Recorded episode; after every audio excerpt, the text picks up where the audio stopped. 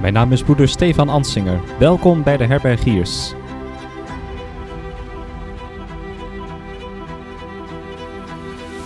De Herbergiers bieden thuis voor een goed geloofsgesprek. Samen met Herwin Horst ontdek ik de vreugde en de waarheid van het katholieke geloof. Vanuit onze vriendschap bespreken wij de fundamenten van het christelijk leven. En met deze podcast hopen wij inspiratie te geven om in je eigen omgeving te delen in Gods liefde. Wees welkom.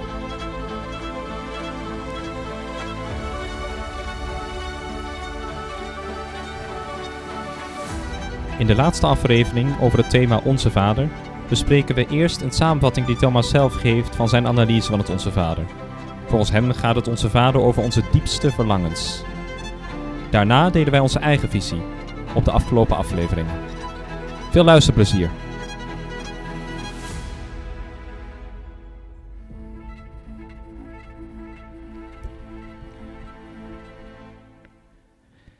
Goedendag allemaal, hier is Herwin. Of goedemiddag en- of goedenavond.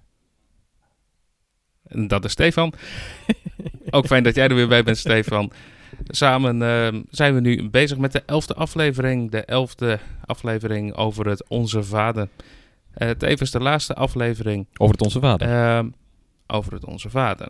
Ja, ja, niet van de hele Ja, we gaan nog wel. We door, hè? houden de- ja, ja, we luistert houden er niet mee op. nou ja, ik luister zelf nog wel eens terug hoor. Het is heerlijk om jezelf te horen, hè? ja, wat, dan hoor je pas wat voor. Nou ja, goed, laat maar. Ehm, ja, ehm, het zijn eh, de laatste tien afleveringen die we hebben opgenomen, zijn heel inhoudelijk geweest. Veel informatie, er is heel veel voorbij gekomen. Mhm. Ehm, ja, het, het idee van deze aflevering is dat we samen eventjes terugkijken. Vakantieaflevering. Ja, eigenlijk wel een soort van vakantieaflevering. Gewoon terugkijken hoe wij het hebben ervaren, wat wij ervan hebben opgestoken of niet. Wat ons is bijgebleven. Klinkt dan wel heel subjectief. Het is, eh, nou ja, het Hoe is heb een je beetje het subjectief, ervaren, maar- Herwin? Wat is je gevoel Ja. daarbij? Ja, maar toch, hè, kennis dat, ehm, dat, dat, dat kan gegeven worden, maar het is altijd goed om er ehm, wel persoonlijk over na te denken. En ik denk dat het ook ehm, ja, sowieso aan te raden is om dat ook zelf te doen. Hè? Gewoon eens een keer reflecteren op van ja, wat haal je er nou voor jezelf uit? Wat blijf je bij? Wat blijft hangen? En wat eh, niet. Wat niet. ik denk dat dat, eh, dat dat wel goed is en dat is ook wat wij vandaag gaan doen. Vandaag dus een stukje minder structuur, omdat wij Thomas niet gaan... ehm, ja, om, hè, Het is maar een klein stukje van echt, Thomas. het is, een, het is een heel klein stukje van Thomas, dus het zal allemaal wat, eh, wat losser zijn. Dus ik hoop dat het voor een gemiddeld luisteraar nog een beetje te volgen is.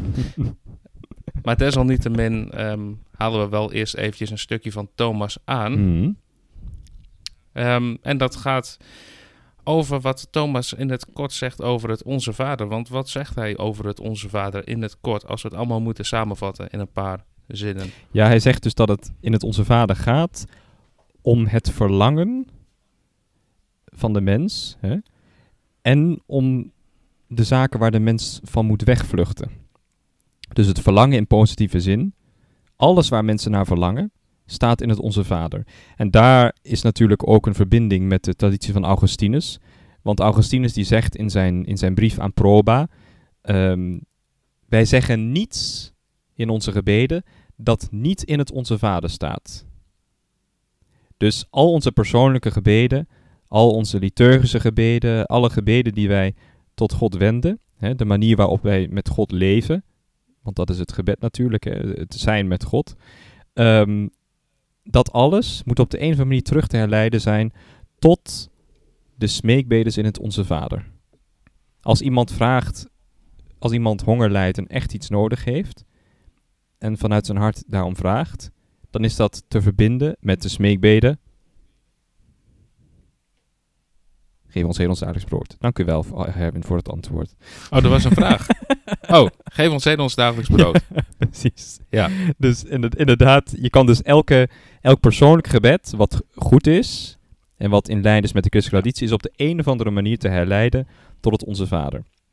Dat is wat Ja. Augustinus zegt. En dat is ook wat Thomas zegt. Thomas zegt namelijk ehm, dat alles waar de mens naar verlangt, en dan zou je kunnen zeggen waarlijk naar verlangt, want je kan natuurlijk ook verlangen naar verkeerde dingen. Hè? Eh, we hebben ook een, een zondige tendentie in onszelf. Maar als het, Thomas het heeft over het verlangen, dan is het het verlangen wat ten diepste in ons is. Het verlangen om bij God te zijn. En hij gebruikt daarvoor een Bijbelvers eh, om dat verlangen uit te drukken. Hè. De, in, in Matthäus eh, hoofdstuk 6, vers 33 staat: Zoekt eerst het koninkrijk van God en zijn gerechtigheid, en al het overige zal u gegeven worden. Dus zoekt eerst het koninkrijk van God en zijn gerechtigheid, en al het overige zal u gegeven worden. En dan zegt hij, in die zinsnede zitten de drie dingen waar de mens naar verlangt, waar werkelijk naar verlangt. Ten eerste, zoekt eerst het koninkrijk van God. Dat is de, het verlangen naar het eeuwig leven, volgens Thomas. Hè? En dat hangt natuurlijk samen met de smeekbeden, uw koninkrijk komen. Dus het verlangen naar het eeuwig leven. Zoekt eerst het koninkrijk van God. En zijn gerechtigheid. Het zoeken naar de gerechtigheid, het verlangen naar de gerechtigheid. Voor Thomas is het verlangen naar de gerechtigheid te verbinden met de smeekbeden. U wil geschieden op aarde zoals in de hemel. De gerechtigheid die geschiet hier op aarde is een afspiegeling van datgene wat reeds perfect is in de hemel. Dus dat is het tweede onderdeel. Zoekt eerst het koninkrijk van God, eeuwig leven en zijn gerechtigheid. U wil geschieden. Hè? Dus u wil geschieden en de gerechtigheid hangen samen. En dan staat er, en al het overige zal u gegeven worden. Al het overige zal u gegeven worden. Dat is natuurlijk, dat zijn de eerste levensbehoeften.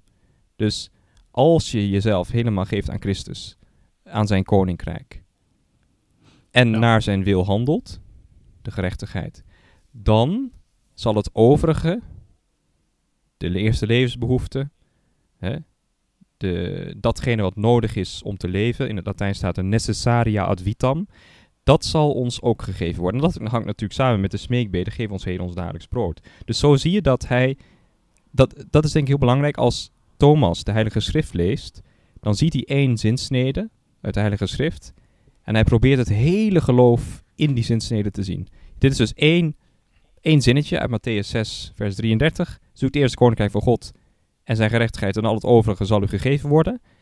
En daar hangt je dus de hele, het hele verlangen van het Onze Vader aan op.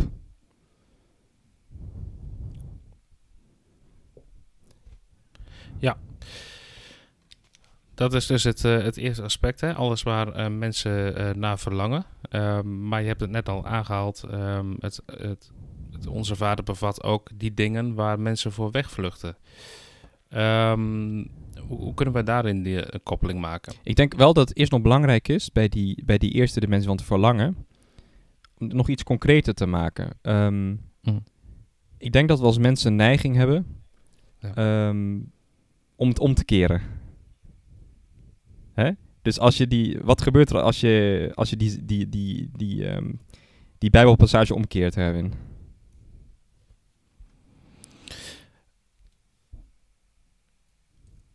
Nou ja, dat, eh, als je het omkeert, hè, zoekt eerst het koninkrijk van God. Ehm, als je dat zou omkeren, dan eh, kan dat bijvoorbeeld opduiden dat je eerst eh, naar het aardse Ja, bezit bijvoorbeeld. zoekt. Hè? Dus dat je een verkeerde focus hebt op, op hetgeen waar je Ja. hart ligt, Ja. waar je ziel ligt en waar je Exact. verlangens liggen. Exact.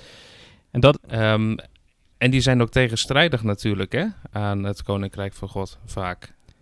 Ja, niet altijd, Het maar het gaat om het, het blind, is- staren op en het. Het, maak, het, het centrum van, de, van, de, van de aanbidding en van de, van de verering van ons hart is God. En als God uit het centrum verdwijnt, dan komt er iets anders voor in de plaats. Dat is natuurlijk het hele leven. Daarom is natuurlijk ook, de- zijn ook de tien geboden kunnen samengevat worden met het eerste gebod. Dat we God en de naaste lief hebben. Als we God niet lief hebben, dan hebben we niet niemand lief. Maar dan, dan, dan, dan, dan raakt hij buiten beeld en dan komt er een andere, geschapen, veranderende realiteit voor in de plaats. het gouden kalf Ja, bijvoorbeeld. het gouden kalf. Maar er kan ook eten zijn, er kan, eh, er Ja. kan eh, van alles zijn. En waar uw, wat is het, waar uw God is, is uw buik? Nee, wat is het, eh, het eh, waar uw buik is, is uw God? Nee, wat is die uitdrukking in het Nederlands? Maakt niet uit. In ieder geval, er is een uitdrukking in het Nederlands die dat goed uitdrukt. Maar waar het dus om gaat, is dat, het, dat, dat je die dimensie kan je omkeren. Je kan zeggen, ja, maar nee, het overige Dat wil ik eerst hebben. Het dagelijks brood en al die zaken en, en alles. En daar, en natuurlijk, je, ma- je moet een dagelijks brood hebben. En dat is belangrijk om een bepaalde basisbehoefte te hebben en dit en dat. Ook voor gebed en zo. Maar waar ligt je hart inderdaad? Waar is je schat? Ligt, ligt die bij Christus? Ligt die bij God zelf dus? Hè? Bij een, een realiteit die niet verandert, die betrouwbaar is. Want God is altijd trouw. En barmhartig ook, ook als wij niet trouw zijn. Of ligt, ligt die dimensie in eerste instantie bij het, bij het aardse, laat ik het zo zeggen. En de, de, de ironie is dus inderdaad van die passage, ja, maar als ik me dus helemaal aan God geef, dan is Hij er ook voor mij. En dan krijgt alles daarna ook in de schepping en in mijn leven de juiste dimensie. En de juiste. En natuurlijk er zal altijd zonde zijn, altijd moeilijkheden, zwakheid, alles. Maar we zien wel scherper hoe de realiteit in elkaar zit als we het fundament, de schepper van de realiteit, als eerste vereren. En als laatste. En in alles. En dan kom, wordt, de rest vanzelf valt op zijn plaats. Maar dat gaat elke keer fout. En dat is de drama van ons leven. Ja. Het gaat elke keer fout. Want dan denk ik, oh, met het, het- eh, ja, hoe zal ik het uit, uitdrukken? Ja. Ehm, ja, Ja, het, het is een kwestie van vallen en opstaan, het, het Ja. hele leven. Ehm, en doet me ook terugdenken aan een episode of een aflevering die we hiervoor hebben opgenomen. Mhm. Ehm, dat de waarheid ook niet in de mensen woont op momenten dat je zegt dat je zonder zonde bent. hè? Precies. Dat, je, dat je veronderstelt dat jij perfect bent, dat je geen fouten maakt, dat je altijd de goede keuzes maakt. Ehm, ja, dat is niet het geval. Ehm, en daar hoort ook een bepaalde acceptatie en geduld bij. Hè? Ze zeggen wel eens geduld is een groot goed. Mhm. Maar dat is ook zeker in het, eh, in het geestelijk leven is dat zo. Omdat ja, het, van het moment dat je hier op aarde komt tot het moment eh, dat je weer zult vertrekken, blijft het gewoon een, een, een proces van vallen en opstaan. Ehm, maar ook als je naar de heiligen kijkt, hè, heiligen zijn niet heilig omdat ze onbevlekt eh, ontvangen zijn of omdat zij geen zonde hebben Mm. begaan. Nee, dat is omdat zij gewoon zondaars zijn die, blij, die zijn blijven proberen en in dat proces zijn gegroeid in het geloof. Mm. En op een dusdanige manier dat wij er ook goede voorbeelden aan kunnen nemen. Ja. Heel plat gezegd. Ja, en ik denk ook wel, ik weet niet of jij erover denkt, maar er is ook, er is inderdaad, de geduld is heel belangrijk wat je zegt. Want ehm, zoals in elke liefdesrelatie moet de liefde ook rijpen. En dat geldt ook voor de liefde met Christus. Eh, een van de mooiste dingen vind ik, ik ga morgen toevallig weer naar, eh naar Sint-Wandrieën, een klooster in, in, in, in Frankrijk, waar ik dan een week ben bij de Benedictijn. Ik ken daar een, een kluizenaar. En een van de dingen die mij altijd opvallen, als ik met echte monastieke monniken en zo spreek, is die de rust en de aanwezigheid van Christus in de persoon. Dus ze hebben zo'n groot geloof en ze leven zo innig met de Heer, dat natuurlijk er zijn verleidingen en moeilijkheden, maar zoals we in een aflevering gezegd hebben, wat ik een hele mooie heel mooi bijbelcitaat vond van Thomas. Dat ging over, breng ons niet in beproeving. Daar zei Thomas, met het hooglied in de hand, ik geloof dat het hoofdstuk 8 was, vele wateren konden de liefde niet doven, niet blussen. Vele wateren konden de liefde niet blussen. En dan zegt hij dat, als, noemt hij als argument voor, het is de liefde die van God komt en waar we op vertrouwen, die uiteindelijk elke verleiding kan doden en elke moeilijkheid kan overwinnen. Betekent niet dat het niet moeilijk is, maar het is wel zo dat een groter en groter vertrouwen in die aanwezigheid en liefde van Christus, die ons helemaal doordrenkt, eh, uiteindelijk ervoor zorgt dat we voortgaan en voortgang Ja. maken in het, in het geestelijk leven. Het, bevestigt ook eh, de afhankelijkheid eh, die je hebt. Hè? Ehm, we leven natuurlijk in een, in een tijd en in een maatschappij waarin ehm, het heel erg gericht is op zelfredzaamheid. En Mhm. dat wij zelf ehm, nou ja, alle zaakjes op, op orde eh, hebben. En dat wordt vaak herleid naar wat een persoon al dan niet doet. Mhm. Maar hier is natuurlijk sprake van een afhankelijkheid. En een afhankelijkheid die je ook moet accepteren. Mhm. Hetzelfde als dat wij eh, als mens gered worden door het kruis. Het kruis is natuurlijk een verschrikkelijk beeld als je naar kijkt. hè. Mhm. Maar toch moet je het accepteren. Mhm. En dat maakt je als het goed is nederig. Maar acceptatie is nodig om ook progressie eh, te kunnen boeken op dat vlak. Mhm. Dus geduld, eh, dat, dat, dat moet je op allerlei vlakken hebben. Dat moet je ook vooral met jezelf hebben. Mhm. Ehm, Mhm. Er is, natuurlijk een verschil tussen zelfmedelijden en eh, dat is de ene kant en zelfhaat is de andere kant. Het is heel belangrijk om daar een goede balans in te vinden. Mhm. En die balans is ook te vinden in dit gebed. Zeker, zeker. Ja, het, het, is een, het, is een, het is een prachtig gebed. En ik denk dat Thomas de spijker op de kop slaat als hij zegt dat het gaat dus om het verlangen. Hè? Dus we hebben ook, ik heb dat volgens mij in de eerste aflevering al gezegd, ehm, dat voor Thomas de, de definitie van gebed is, eh, wordt ook in de catechisme van de katholieke kerk trouwens aangehaald. Ehm, dat is dat het een tolk van het verlangen moet zijn. Dus een, een vertaler van het verlangen. Want we hebben allemaal verlangens in ons eh, verlangens naar allerlei dingen. En het hele geestelijk leven is daarop gericht dat, dat die verlangens op de een of andere manier meer en meer in overeenstemming komen met eh, God die naar ons verlangt. Ja. Eh, dus dat het allemaal weer teruggeleid wordt naar Hem. En, dan, en dat is natuurlijk een levenswerk. En dat, dat kost tijd en zeer veel geduld. Zoals je net al zei. Ja, absoluut. En ook om eh, je verlangens eh, ten goede te keren. Hè? Ja, precies. Dat is het. Want je kunt ze ook Je kunt ze nooit, nooit kunstmatig weghalen. Of er tegenin gaan alsof ze niet bestaan. Iedereen heeft verlangens. En ook verkeerde verlangens. De vraag is, wat doe je daarmee? En hoe zorg je ervoor dat het op de een of andere manier in de goede banen, die energie in goede banen wordt geleid, om, om Christus te lief te hebben. Ja. En dan zul je ook zien dat die, die, die, die, die intensiteit van die verlangens ook toeneemt. Want iemand die altijd op zijn verlangens afgaat, of op zijn intuïtie, dat is natuurlijk geen mens. En wat, wat, wat een mens nou juist zo edel maakt, is dat hij die interpretatie aan die verlangens kan geven. En dat hij rationeel kan zeggen, ja maar nee, ik ga daar niet op in. Nu heb ik heel erg zin in een whisky, maar ik drink toch in plaats van een whisky een Genever. Zo, wat, wat een offer, Ja. Stefan. Nee, maar dat is dus dat is een heel goed voorbeeld van, Ja. van een rationele keuze die je kan maken. Ja. Waarbij de Genever misschien meer geënt is op Christus dan de whisky. Nou ja, dat weet ik ook niet. Dat is wel lekker. maar het idee is duidelijk. Het idee is dat wij als mensen Sommige- sommige- onze verlangens staan. Sommige mensen, sommige mensen ver- ver- vergelijken jenever ook met spiritus. Dus in die zin... Spiritus Sanctus. ja, maar ik denk dus wel dat het heel belangrijk is om... Waarom zeg ik het woord belangrijk de hele tijd? Ik denk dat het heel relevant Ja, is. Misschien, mis- om- misschien vind je het belangrijk.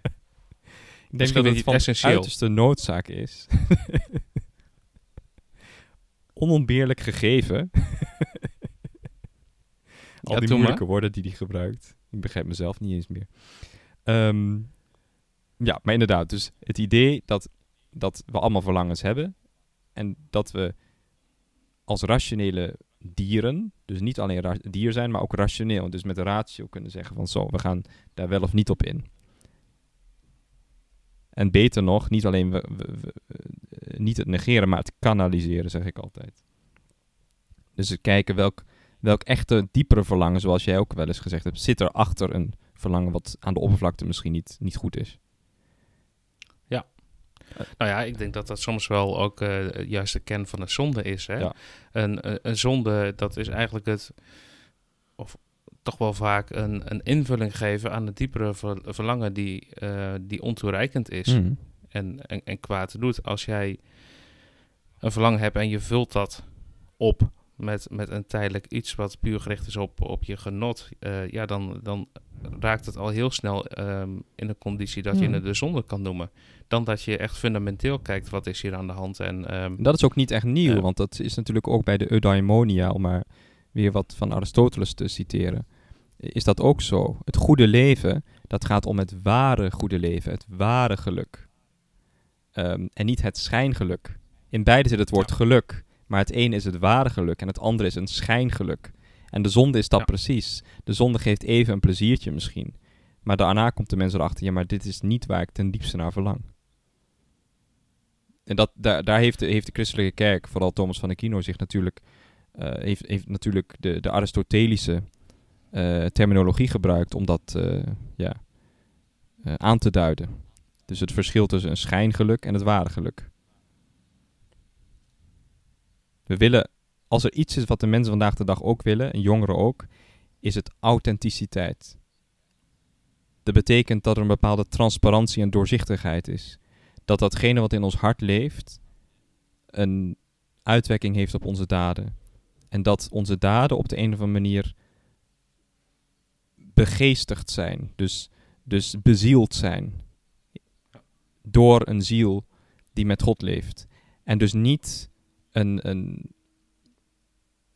het, het, het, het doen van activiteiten alleen maar omdat, het, omdat we het kunnen. Omdat we mechanisch of technisch daartoe in staat zijn.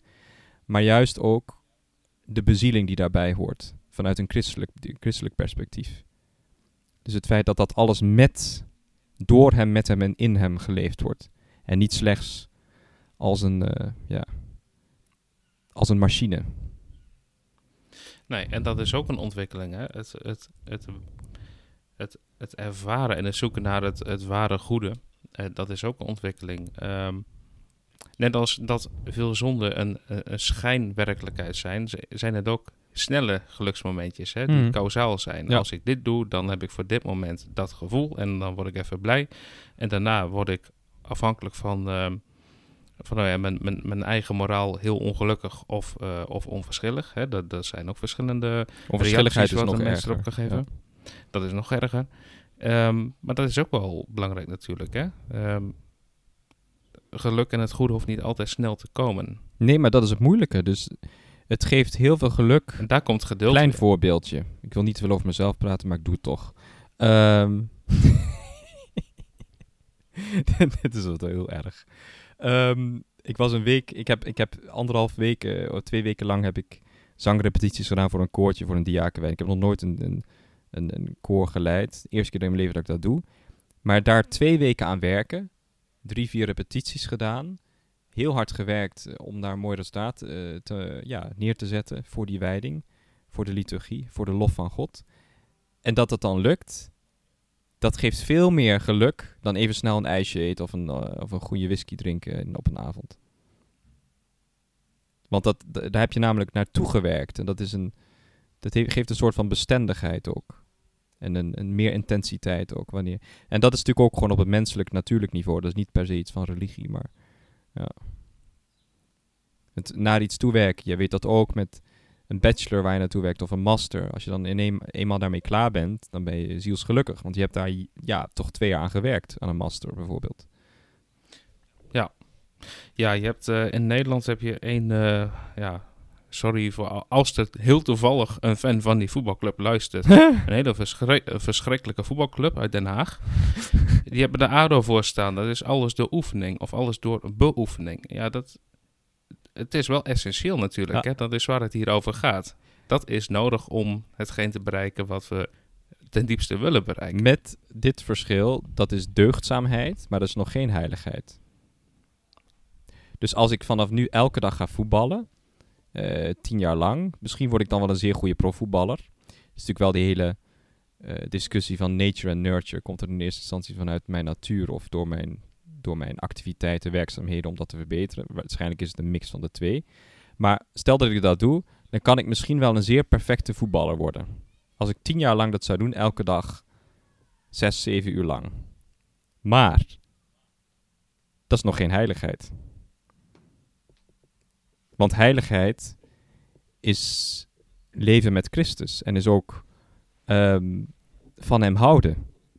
En is ook, ehm, ja, het, het is ook vallen en opstaan. Dat hoort er ook bij, denk ik. Maar het is niet hetzelfde als perfectie in de zin van een soort van menselijke perfectie. Ehm, dat is een belangrijk onderscheid. Dus Ja. het hebben van natuurlijke kwaliteiten en zo is nog geen heiligheid. Heiligheid is dan interessant wanneer er een transcendentie bij komt. Dat wil zeggen wanneer een dimensie is die ons overstijgt. Eh, en dat is altijd het geval bij heiligheid. Want het gaat erom dat we niet opgesloten blijven alleen in onze eigen horizontale dimensie, maar dat we iemand de- uitnodigen de- van buitenaf. Het is letterlijk en figuurlijk de relatie eh, die je legt. Hè? Ja. En dat is de relatie met God, de relatie met Christus, die inderdaad heiligheid ehm, bepaalt op een gegeven moment. Die relatie die moet wel gelegd worden, Ja. want zonder die relatie is, ehm, is, is de waarde van het, het kunnen en beheersen van natuurlijk ook Ja. relatief. Maar dat is ook wat, eh, want in de, in de, daar, hebben, daar hebben we niet heel veel over gehad, maar het is misschien toch heel goed even te zeggen. Ehm, je hebt zeg maar in de, eh, wij maken een verschil tussen de een, een natuurlijke deugden en de theologale deugden. Natuurlijke deugden, eh, ja, dat heb je van allerlei deugden, hè, moed, eh, gerechtigheid, nou ja, allerlei verschillende deugden, eh, matigheid. Maar de theologale deugden, dat zijn de die deugden van de geloof, hoop en liefde. En die komen van God, die, die hebben hun oorsprong in God, dus die komen van God. Die hebben hun doel in God, hun finaliteit, dus we gaan naar God toe daardoor. En hun intentie in God. Dus om het maar, eh, de liefde, de werkelijk bovennatuurlijke liefde voor de naaste, komt van God, heeft als doel God en heeft als enige intentie God. Natuurlijk, dat sluit de mens in, maar het sluit niet God uit. Dus de intentie van een, van een liefdesdaad om, om iemand eh, naar het station te brengen, een medewoner naar het station te brengen. Als je dat alleen doet omdat, je dan, eh, omdat hij dat de volgende keer bij jou misschien ook zal doen, dan ben je dus niet op het niveau van de theologale deugden bezig. Dat is gewoon, ja, dat is gewoon uitruil. Dat is gewoon, ja, dan staan we weer kiet. Ja, functioneel. Ja, functioneel, instrumenteel. Aristoteles heeft er natuurlijk ook over geschreven, ook, ook in zijn Nicomacheia, Ethica Nicomacheia, over de verschillende, ja, hoe heet het, ehm, eh, niveaus van vriendschap. Hè? Dus eh, zeer utilistisch. En veel is utilistisch in onze wereld vandaag de dag. Ook omdat veel technisch is. De bezieling er dus uit is. Bon. Maar dat allemaal over verlangen. Misschien kan jij wat zeggen over de tweede dimensie, eh, Erwin. Anders ben ik de hele tijd aan het woord. Ja, dat is het verlangen en al het eh, slechte waar mensen voor, eh, voor wegvluchten. Dat is het tweede, ja. Ja. Ehm, Waarom, dat staat dus in het Onze Vader. Waar mensen voor weg moeten vluchten. Ja, inderdaad. Ehm, nou ja, goed. Je, het, het kwaad waar je voor wegvlucht. ehm dat zijn natuurlijk twee categorieën. Tegen, tegenover kwaad staat het goed. Eh, dus eigenlijk moet je het, het kwade moet je hier niet centraal stellen, maar juist het, het goede centraal Heel stellen. belangrijk. Dat is, dat is belangrijk. Dat is ook het perspectief waar je van uitgaat. Ehm, Het kwade is een afwezigheid als- van het goede. dat is een afwezigheid van het goede. Het, het- als je bijvoorbeeld, heel si- sim- simpel gezegd, eh, als je bidt, ehm, help mij overeind te staan, dat is, heel, dat is een hele andere benadering dan dat je zegt van help mij niet te vallen. Precies. Want dan stel je Ja. het, dan stel je het kwaad, dan stel je de, de kwetsbaarheid centraal. En Dat is Dus juist het, de het is zoals licht inderdaad. Licht en donker ook. Ja, hè, dat laat, laat mij in het licht leven in plaats van eh, maak dat ik niet in het duister leef. Dat, het, Hmm. het zijn onderaan de streep, hè, komt het op hetzelfde neer, maar de beleving, de intentie en de geest waarmee je het dan, dan bidt en waarmee je dan ook leeft, is toch heel anders. Ja. Ehm, dus we moeten van het goede uitgaan. Dat is hierbij altijd belangrijk. Ehm, het eerste waar we dus naar moeten uitzien, dat is Gods heerlijkheid. Gods heerlijkheid daar is eigenlijk geen enkel kwaad ehm, aan tegengesteld. Hè? Zowel het goede als het kwade lopen eh, uit op Gods heerlijkheid. Als jij ehm daar tegen ingaat, dan blijkt dat uit de straf hè, die je als mens krijgt. Ehm, in het andere geval als een beloning. Je kan het vergelijken met het licht daar, die heerlijkheid van God. Het wordt natuurlijk ook in de, in de psalmen continu gebruikt. En ook de metafoor het licht wordt door, Christus zelf natuurlijk ook gezegd. Ik het licht der wereld. Die heerlijkheid van God, die glorie van God is het licht. En het licht is voor de een een troost en voor de ander een kwelling. Ja. Dat zie je ook in, de, in het dagelijks leven van de mens. Iemand die probeert eh, zuiver met Christus te leven, naar zijn liefde. En ik zeg, zeg het nogmaals, zuiver betekent hier niet alleen seksueel gezien, maar ook gewoon een zuiver leven met, met de Heer. Want als we zeggen zuiverheid vandaag de dag, denkt iedereen alleen maar aan seksualiteit en zo. Maar dat is helemaal niet... eh, het gaat erom dat we God willen zien. God willen zien, in onszelf en in de medemens, overal. Hè? En iemand die dus Ja. erin slaagt, met hulp van de genade, om zuiver in het licht van God te leven, is tegelijkertijd een steen des aanstoots voor andere mensen die daar een hekel aan hebben. Uit de mond van kinderen en zuigelingen hebt gij u de lof bereid die uw vijanden doen, doet verstommen. Psalm nummer 8. Ja, dus toevallig doe ik daar een werkje over, dat zit even in mijn hoofd. Ik ken niet alle psalmen uit mijn hoofd hoor. Maar dus uit de mond van kinderen en zuigelingen, uit de mond van de onschuld, uit de mond van de, van de mensen die werkelijk proberen met Christus te leven, daar ontstaat een, een, een clash. Hè? Ehm, je kent dat misschien wel. Ik, in, ehm, dat er mensen zijn die heel vriendelijk kunnen zijn. En zet daar iemand tegenover die heel boos is, altijd. En de vriendelijkheid van, de, van deze andere persoon is een aanstoot voor die boze persoon. Want die boze persoon die kan de vriendelijkheid niet, niet, niet, niet in zich halen, nemen. Nee. Die, dus, Met zijn vriendelijkheid oprecht is ja, ja, natuurlijk. ja, ja. Maar nee, Ja, maar, ja. maar je begrijpt wat ik bedoel. Dus het Ja. licht is het licht van het gelaat van de ander. Ja. Is als een is als een, een, een, ja, een, een, een, een oordeel bijna. Een automatisch oordeel op het leven van degene die tegenover die persoon zit. Zonder dat deze persoon die in het licht leeft, dat persoonlijk gewild heeft. Hij leeft gewoon met Christus. Maar daardoor Ja. wordt hij net zoals Christus voor de anderen een aanstoot. Ja, een vervolg. En dat is, Dat en dat is waar het hier om Ja. gaat. Dus die heerlijkheid van God, die natuurlijk in, in ultimo, in, in, in extreme vorm en in de zuivere vorm bij Christus zelf alleen bestaat, maar die bestaat ook bij zijn volgelingen.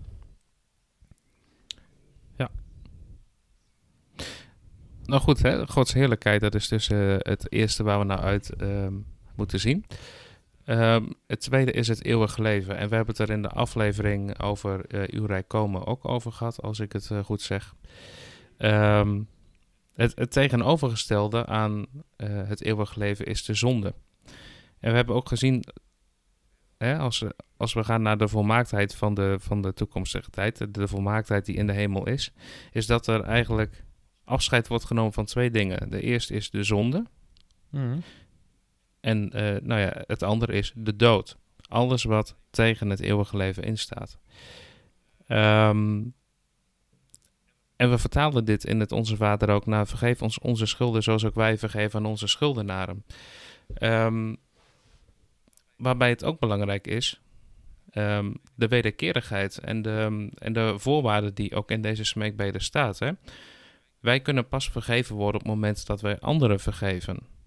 Mm. Ehm, als wij ehm, een ander veroordelen, dan zal onzezelfde, eh, zal, met dezelfde maat zullen wij Hmm. beoordeeld worden. Ja. Ehm, dus dat is ook een heel belangrijk, belangrijk punt om, eh, om hierbij mee te nemen. Hm. Dan heb je als derde heb je de rechtvaardigheid en, eh, en goede daden. Nou, dat is in principe hoe je in je dagelijks leven ja, het, het, het leven goed inricht. En daar tegenovergesteld is de, is de verleiding. Mhm. Ehm, met de verleiding worden we op twee manieren ehm, getest of beproefd. Eh, zoals we dat in de vorige aflevering hebben gezegd, is het doen, het intrinsiek doen vanuit jezelf van het goede en het nalaten van het kwade. Nou ja, de kunst is natuurlijk om juist dat goede van een- vanuit een vanzelfsprekendheid te doen en het, en het kwade, de verleiding, de zonde, Mhm. de slechte zaken na te laten Mhm. laten. Het is belangrijk om dat, eh, om dat hier goed, ehm, goed in oog te houden. En dat ehm, de koppeling daarbij kan gemaakt worden met de smeekbeden en breng ons niet in beproeving. Eh, waarin we dus eigenlijk bidden op het moment dat wij in een moeilijke situatie staan. Wanneer we op een T-splitsing komen waarin je kan kiezen tussen het goede doen of het kwade. Of het goede nalaten en het Mhm. kwade doen. Dat we dan ook eh, het, het juiste kiezen. Dat wij ook getraind worden in een soort van geestelijk kompas om altijd de juiste weg te bewandelen. En niet die brede weg die tot de dood leidt, maar juist die nauwe weg.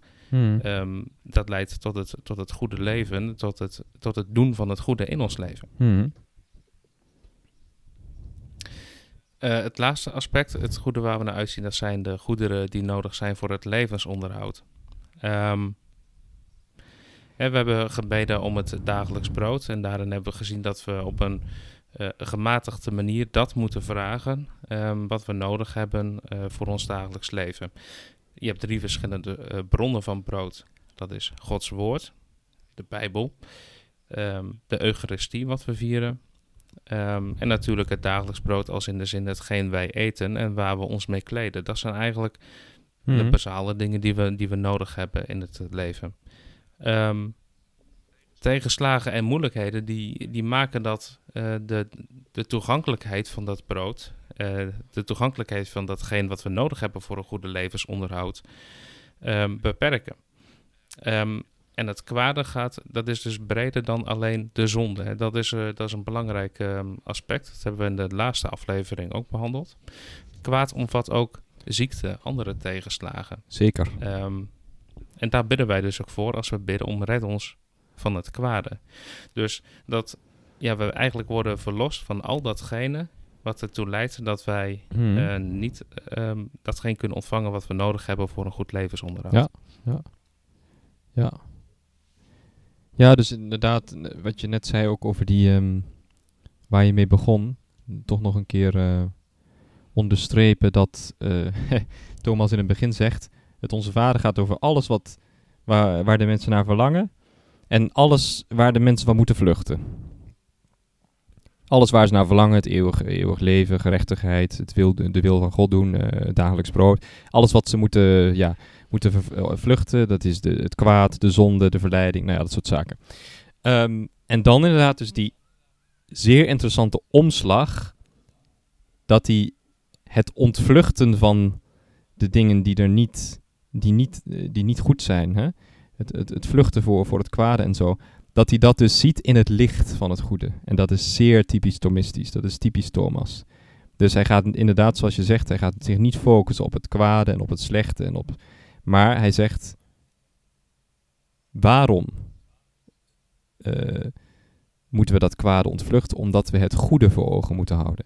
En het goede, dat zijn dus die vier dimensies die je net genoemd hebt. Gods heerlijkheid, dus met de metafoor van het licht, het eeuwig leven, de rechtvaardigheid en de goede daden en de goederen die nodig zijn voor het, voor het levensonderhoud. Ja, dus daar, daarmee vat Thomas het hele Onze Vader samen.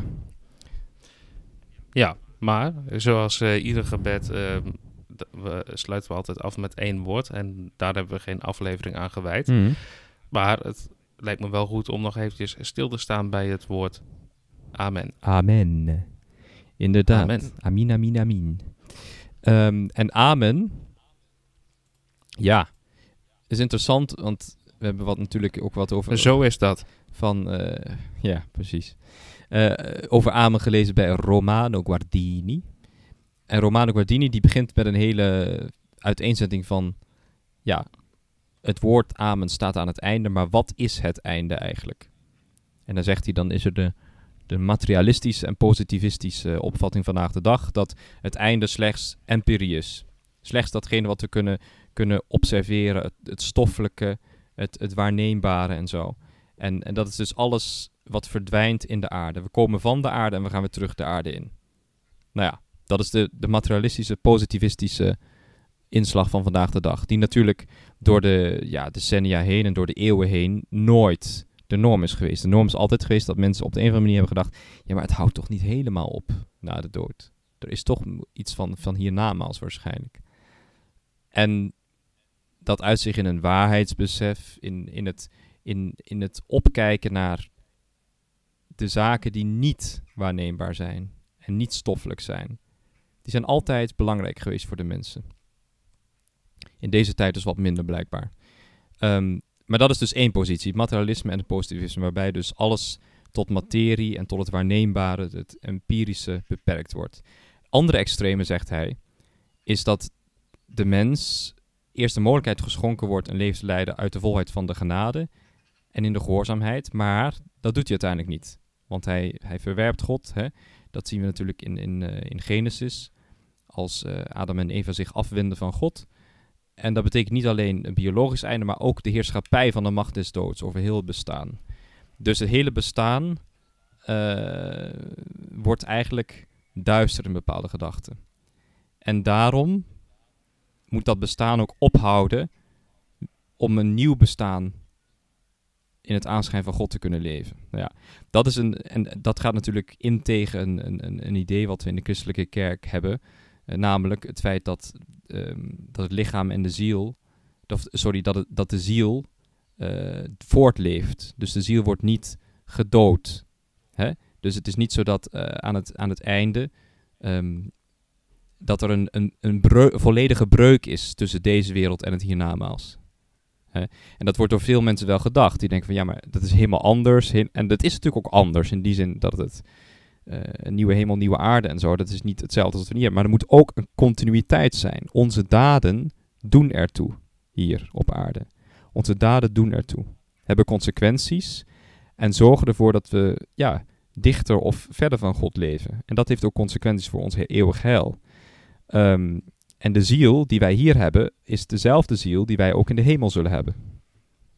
Uh, en, en dat is wel belangrijk. Dus dat die continuïteit tussen hemel en aarde, als we het amen uitspreken en als we het hebben over het einde van de wereld, het einde van onze, ons menselijk bestaan, dan is dat niet het einde van onze persoonlijkheid. Onze persoonlijkheid gaat door. Onze ziel gaat door. Onze ziel wordt niet vernietigd en, en, en dat er dan een nieuwe ziel voor de plaats komt. Nee, de ziel blijft, alleen verlaat het lichaam. Wat je natuurlijk ook duidelijk ziet, ik weet niet, eh, als, als mensen ooit iemand gezien hebben die overlijdt, je ziet letterlijk dat het licht uit de ogen verdwijnt. Waarin zien we de ziel? De, de, de ogen zijn de ramen van de ziel. Daar is het waar we, waar we, waar we de ziel zien. Um, en als een dood lichaam is precies dat, een dood lichaam. De ziel is, is het lichaam ontvlucht. De ziel is niet weg, maar de ziel is opgestegen naar, naar zijn schepper. Namelijk God zelf. En dus er, blijft een, een, continuïteit tussen het leven hier op aarde en het leven, het leven in de hemel. En dat is denk ik belangrijk om te zeggen. Dus aan de ene kant moeten we ervoor waken. Een materialistische visie, hè? die zegt, oh, alles is waarneembaar en alles uh, is, is, de, ja, is, is, is, is empirisch. En, en alleen wat we kunnen meten, wat we kunnen observeren met een microscoop, is waar. Al het andere bestaat niet. Dat is verkeerd. Tegelijkertijd moeten we ook voor waken te zeggen, ja, maar alles hier is, bestaat wel, maar is een beetje toch een afspiegeling van. En hier aan het einde bij de dood houdt het op. En dan komt er wel een nieuwe ziel. We leven wel voor, maar niet in, in, de, in dezelfde identiteit die we nu hebben. Nou, dat is ook een fout. Dus de kerk die houdt altijd samen lichaam en ziel. En het lichaam verlaat inderdaad de ziel. Nou, sorry, de ziel verlaat het lichaam bij de dood. Um, maar de twee zijn wel met elkaar verbonden. Je krijgt dus ook een nieuw lichaam uh, bij, de, bij de wederopstanding. Dat is ook wat we natuurlijk zeggen in, in de geloofsbelijdenis. Uh, dat we, uh, dat we een, een nieuw lichaam zullen krijgen.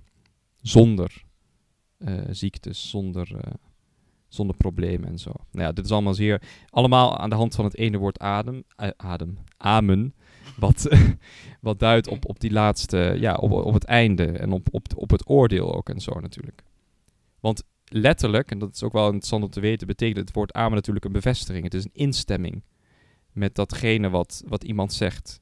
Of met een waarheid. En, uh, in, de, in, de, vroege tijd ook, en nog steeds, um, als een gemeenschap wat zegt, een, een gebed uitspreekt, dan bevestigen met amen. Dit is ook een, heeft ook een gemeenschappelijke dimensie. Zo is het. Het kan ook als een uiting van dankbaarheid gebruikt worden. Of als een goede wens. Zo mogen het zijn. Amen, zo mogen het zijn. Dat zijn zo'n aantal dimensies van, uh, van, van het woord amen.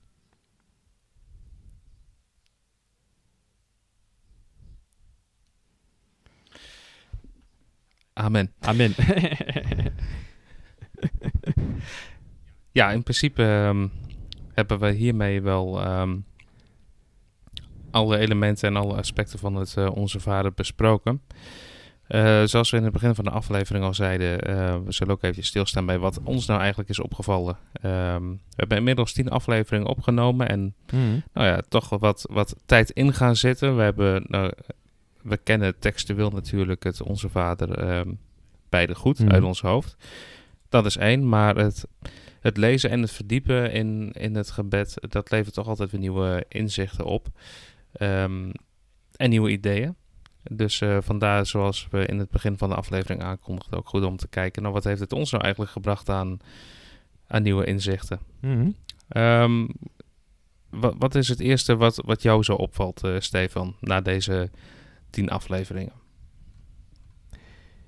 Dat is, als ik het over onze waarde in het algemeen moet zeggen, hoezeer ehm, dit gebed samenhangt met ons concrete leven. Ik vind dat dat ehm, al begint met de eerste smeekbeden. Onze Vader, die een, eh, het feit dat je God je Vader kan noemen en dat je dus kind van God bent, dat verandert de hele realiteit. Of nou ja, dat verandert niet de hele realiteit, de realiteit is zo, maar dat verandert je hele blik, Hm. je hele perspectief. Je bent kind van God, je bent geliefd door God. Zijn liefde is, is onvoorwaardelijk. Nu is het aan ons om daarop te reageren met onze liefde.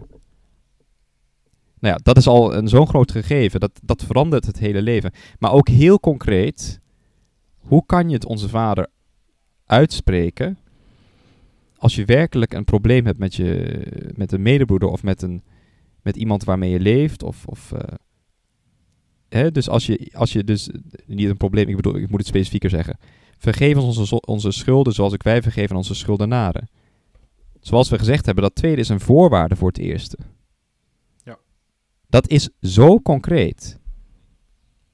Dat betekent dus dat het een heel serieus gebed is. Als je het uitspreekt, het is niet zomaar... En daarom ook dat Gregorius van Nyssa ook zegt... Van, je moet je voorbereiden op dit, dit gebed bijna. En we zeggen het zo vaak dat we de, de heiligheid en de, en de grootsheid van, het, van dit gebed... en de waardigheid van dit gebed vergeten. Terwijl het is een kleine geloofsbelijdenis, maar zeer praktisch ook. Ja, wat ik wel interessant vind, ook eh, aanvullend eh, hierop. Ehm, het, het zijn natuurlijk, het is één gebed wat bestaat uit, eh, uit een x-aantal smeekbeden. en je kan op allerlei manieren dwarsverbanden leggen en allerlei ehm, ja, conclusies eh, eraan eh, aan trekken natuurlijk persoonlijk. Maar wat ik wel interessant vind, als je inderdaad de woorden onze vader neemt en, ehm, en de woorden vergeef ons onze schulden zoals ook wij vergeven onze schuldenaren. ehm, dat met die smeekbeden exact eh, de relaties die ook voortvloeien uit het geloof worden gevat. Hè? Alle relaties die, die we hier op aarde hebben, vloeien voort uit het geloof. Het, het vaderschap, hè? eh, hoe God naar zijn kinderen kijkt. ehm, Mhm. het kindschap, hoe wij naar God kijken, hoe wij onszelf kunnen zien eh, als kind van God, maar ook broeder- en zusterschap. Mhm. En daarbij komt die vergeving ook om de hoek kijken en natuurlijk hoe je naar jezelf kijkt. Mhm. Wat jouw plek hier op de wereld is. Alle relaties die, vo- die vloeien voort uit het geloof en die, de essentie daarvan kun je ook heel goed terughalen uit deze twee smeekbedes van het Onze Vader. Dat is, mijn, dat is een inzicht wat mij persoonlijk wel heeft gebracht. Mhm. En wat je zegt, je, je bidt het zo impliciet, je, je, je kent de woorden ehm, en je herhaalt constant de woorden, maar daarmee kan de echte betekenis en de diepgang inderdaad wel vervagen. Ja. En als je daar nu wat dieper op ingaat, dan word je daar wel meer bewust van. Ja. Ja. Want het, het eerste wat, wat het onze vader ook vraagt om terug te vallen op eh, de woorden van Thomas van Aquino en hoe hij dat dan ziet, is dat de navolging een van de verantwoordelijkheden is die je als mens hebt. Mhm. Dus met liefde in je hart, barmhartigheid in je handelen en volmaaktheid. Hmm. Nou, dat zijn dus exact die drie elementen, die drie dimensies die je nodig hebt om zelf goed invulling te geven aan je kindschap. Mhm. Ehm, goed voor jezelf te zorgen, want dat is natuurlijk ook belangrijk, maar ook goed te zijn richting je medebroeders en zusters. Mhm. Ja. Ja, dus het hangt helemaal samen met onze concrete christelijke levenswijze. Daarom wordt er natuurlijk ook bij de catechumenen, de mensen die katholiek willen worden, wordt, wordt, wordt, wordt het voorgeschreven, werd het langzaam geïntroduceerd. Naast de geloofsbelijdenis die wij later ook zullen behandelen. Eh, het, hele, het bevat het hele geloof. Spoiler. Spoiler, ja. ja. En dat is prachtig dat, dat, eh, dat het zo verweven is met concrete zaken. Ja. En wat ik ook wel interessant vind, hè, ehm, dat, dat is een soort van tweede dimensie of een tweede aspect wat ik er zelf uithaal, is ehm, dat het gebed ook een richting geeft waar je God in kan herkennen. We hebben het er wel eens over gehad in een van onze afleveringen, dat het beeld van God als iemand die hoog in de hemel is, Mhm. op afstand, Mhm. die, die wij niet kunnen zien. En ja, Wat misschien ook waar is. nadat Is ook wij een- sterven. Dat is ook ja, een waarheid. dat, dat, dat is ook waar, maar een, een deel van de waarheid Hmm. natuurlijk. Hè? Ehm, het, het gebed leert ons ook dat, dat God heel concreet is. Mhm. En, en leert ons waarin je God kunt herkennen en waar je God in kan zien. Ja. Ehm, kijkend naar de aflevering die we hebben opgenomen, dan komt dat denk ik wel het beste naar voren als je kijkt naar de smeekbeden die in de hemel zijt en uw rijk komen. Mhm. En daarin laat Thomas ook zien waarin je God kan herkennen, in wie en op welke manier. Ehm, ik denk dat dat ook goed is om ook op die manier ehm, positief naar je omgeving te kijken. En ook leert te zien, eh, of ook leert andere mensen te zien vanuit een goede perspectief, zoals Mhm. God naar ons kijkt. En dat Mhm. we ook altijd het goede in elkaar blijven zien. Ja, die twee afleveringen die hebben daartoe toch wel gezorgd dat je daar iets meer bewust van kan worden. Althans, dat is mijn persoonlijke ervaring. Mhm. Ja, ik vond ook zijn, zijn opvatting van eh, die in de hemel zijt als de, de hemelen als de heiligen. Heel interessant. Ik had dus no- Ja. nooit daarbij bij stilgestaan van dat je ook de hemel kan lezen op die manier. Dat is natuurlijk waar. De hemel eh, begint natuurlijk reeds al hier op aarde. Hè? In, de, in de heiligen. En de, heilige, de hemel is ergens ook synoniem voor de heiligen. Eh, wanneer zij natuurlijk gestorven zijn en, en God aanschouwen. Dat is de hemel. De hemel is waar de heiligen zijn. dus, ehm, en, en daar had ik nooit zo, zo, eh, zo bij stilgestaan, moet ik zeggen. Dat was voor mij wel een... eh, want ik dacht eigenlijk alleen aan God de Vader, die in de hemel is. Maar het is natuurlijk, ja, het is natuurlijk de, de hele familie en de hele... De engelen en de... En dat, ja. dat, is ook, dat is ook het mooie ehm, aan de katholieke kerk, hè? dat de traditie dusdanig rijk is dat het ons een, ehm, een echte verrijking kan geven. En dat we ook ehm, leermeesters en, eh, Ja. en, en, en, en leerjuffen hebben, zeg maar. Want eh, er zijn heel veel, eh, veel heiligen waar we van kunnen leren. Zeker. Mensen die net zoals Christus ook concreet op aarde hebben geleefd, maar waar we heel veel van kunnen leren om te kunnen groeien in het, ehm, in het geloof. Ja. En, dat, en dat maakt het geloof ook minder statisch. Hè? Het, is, het is levend. En ehm, reflecteren op het leven van heiligen onder andere kan, kan ons daar ook echt in helpen. Mhm. En dan hebben we het nog gehad over uw naam worden geheiligd. Dat is natuurlijk die smeekbede die niet van Thomas zelf kwam. Dus de, de analyse daarvan, de smeekbede is natuurlijk van de Heer zelf. Ja. Maar de analyse de- van het commentaar van Thomas is van een andere persoon. Ehm, daar vond ik dat voorbeeld van Ignatius wel mooi op zich. Hè? Dus dat hij onder eh, de vervolging van Diocletianus, de christenvervolging, dat, eh, dat ze hem hebben proberen te doden. En ze, ja, zijn naam gegrift stond in eh, de naam van Christus gegrift stond in zijn hart. Hè. Oftewel zijn de aanwezigheid van Christus eh, door de naam. Hè. Want het uitspreken Ja. van zijn naam betekent zijn aanwezigheid. Ja, ik, ik vind dat je een, een, een paar eh, afleveringen, als je die bij elkaar ehm, vat, dat gaat dus de aflevering over uw naam worden geheiligd. Hmm. Uw wil geschieden op aarde zoals in de hemel. En de aflevering Geef ons heden ons dagelijks brood. Hmm. eh, dat dat misschien nog wel de, de, de meest pragmatische richting geeft voor ons dagelijks leven. Eh, want als we het hebben over uw naam worden geheiligd, ehm, heiligen als in eh, de waarderende zin, Hmm. wat wij als mens doen, hè? heiligen, God Mhm. heiligt als enige. God alleen maakt heilig. Hij gebruikt wel mensen Maar, ja, Ja. maar wij doen dat in een waarderende zin. Wij kunnen dat in een waarderende Mhm. zin doen. Dus dat betekent op een heilige manier ermee omgaan, ehm, God te eren, naar zijn geboden te leven. Dus daar komt, komt de wil van God natuurlijk ook wel een, een, stukje terug. Hmm.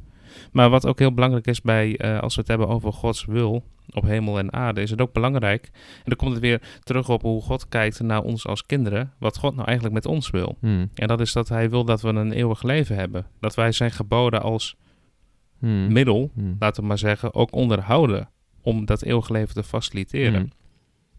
En dat wij als mensen hersteld worden in de staat eh, van voor de zondeval. Hmm. Dus dat onze geest en onze ziel niet meer onderhevig is aan de, de, de, de strijd, de oorlog die we hier op aarde eh, voeren tegen de zonde, tegen de, eh, tegen de duivel, ehm, tegen de wil van ons vlees. Hmm. Dus dat is natuurlijk ook een heel mooi ehm, gegeven. Ja. Ik, ik, denk, ik denk dat dat een goede samenvatting geeft, een goede richting geeft aan ons dagelijks leven. Hmm. Ja. Ja, dat denk ik ook. Ja. Er weinig aan toe te voegen. Amen. Zo. ja.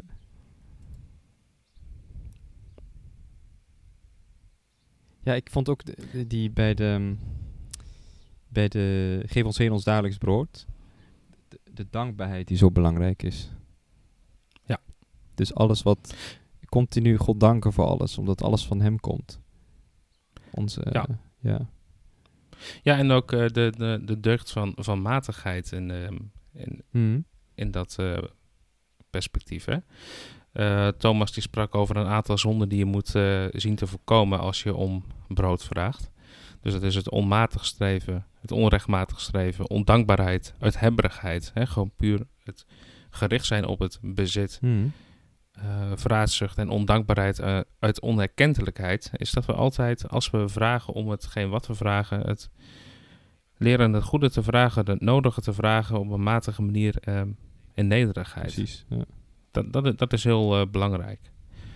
Dus dat, dat je jezelf ook aan het denken wordt gezet van ja, maar wat heb ik nou eigenlijk nodig? Mhm. En waarom mag ik, en om wat voor dingen mag ik eigenlijk vragen? Wat is redelijk, wat is Mhm. reëel? Ja, en d- dat is natuurlijk. Dat verandert natuurlijk alles. Ja, ik heb dat natuurlijk al heel vaak gezegd, maar dat is ook omdat ik daar gewoon stellig van overtuigd ben. ben. Die dankbaarheid en lofzang is in het Oude Testament, in de Psalmen, is dat de essentie van het gebed. Ehm, de essentie van het gebed is lofzang op God. Hoe groot en hoe heerlijk zijt gij. eh, eh, vooral in de laatste psalmen, de laudate psalmen van, de, van het psalterium. Hè, waarin continu de lof van God gezongen wordt. Lof voor zijn schepping, lof voor, alle, voor zijn grote daden, lof voor hoe hij de mensen uit, uit de slavernij van Egypte geleid heeft, van de Egyptenaren geleid heeft. Allemaal lof, lof, lof. En, ehm, en die dimensie van lofzang, werkelijke lofzang, is iets wat we opnieuw moeten leren. Ehm, het is wat Paulus zegt over de drie zaken. Hij zegt altijd in de vreugde zijn, hè, gaudete, semper dicite iter semper gaudete. Dus nogmaals, ik zeg u, altijd vreugde. En eh, dat zegt hij ook over het gebed. Altijd bidden. Gebed zonder ophouden. En altijd dank zeggen. En die drie zijn natuurlijk met elkaar verbonden. De vreugde, de dankzegging en het gebed. Het continu naar Christus zeggen, ja maar ik dank u voor wie ik ben, hoe ik geschapen ben, dat gij mij lief hebt. Ik hoef niet te zoeken in alle gaten en hoeken om, om andere liefde. In eerste instantie heb, hebt gij mij lief. En daardoor kan ik de persoon zijn die ik ben. En dan ga ik vanuit die, eh, vanuit die liefde die gij voor mij hebt, ga ik die liefde doorgeven aan de mensen om me heen. En dan zal ik ook een vriendelijke, fijne persoonlijkheid worden voor de mensen om mij heen.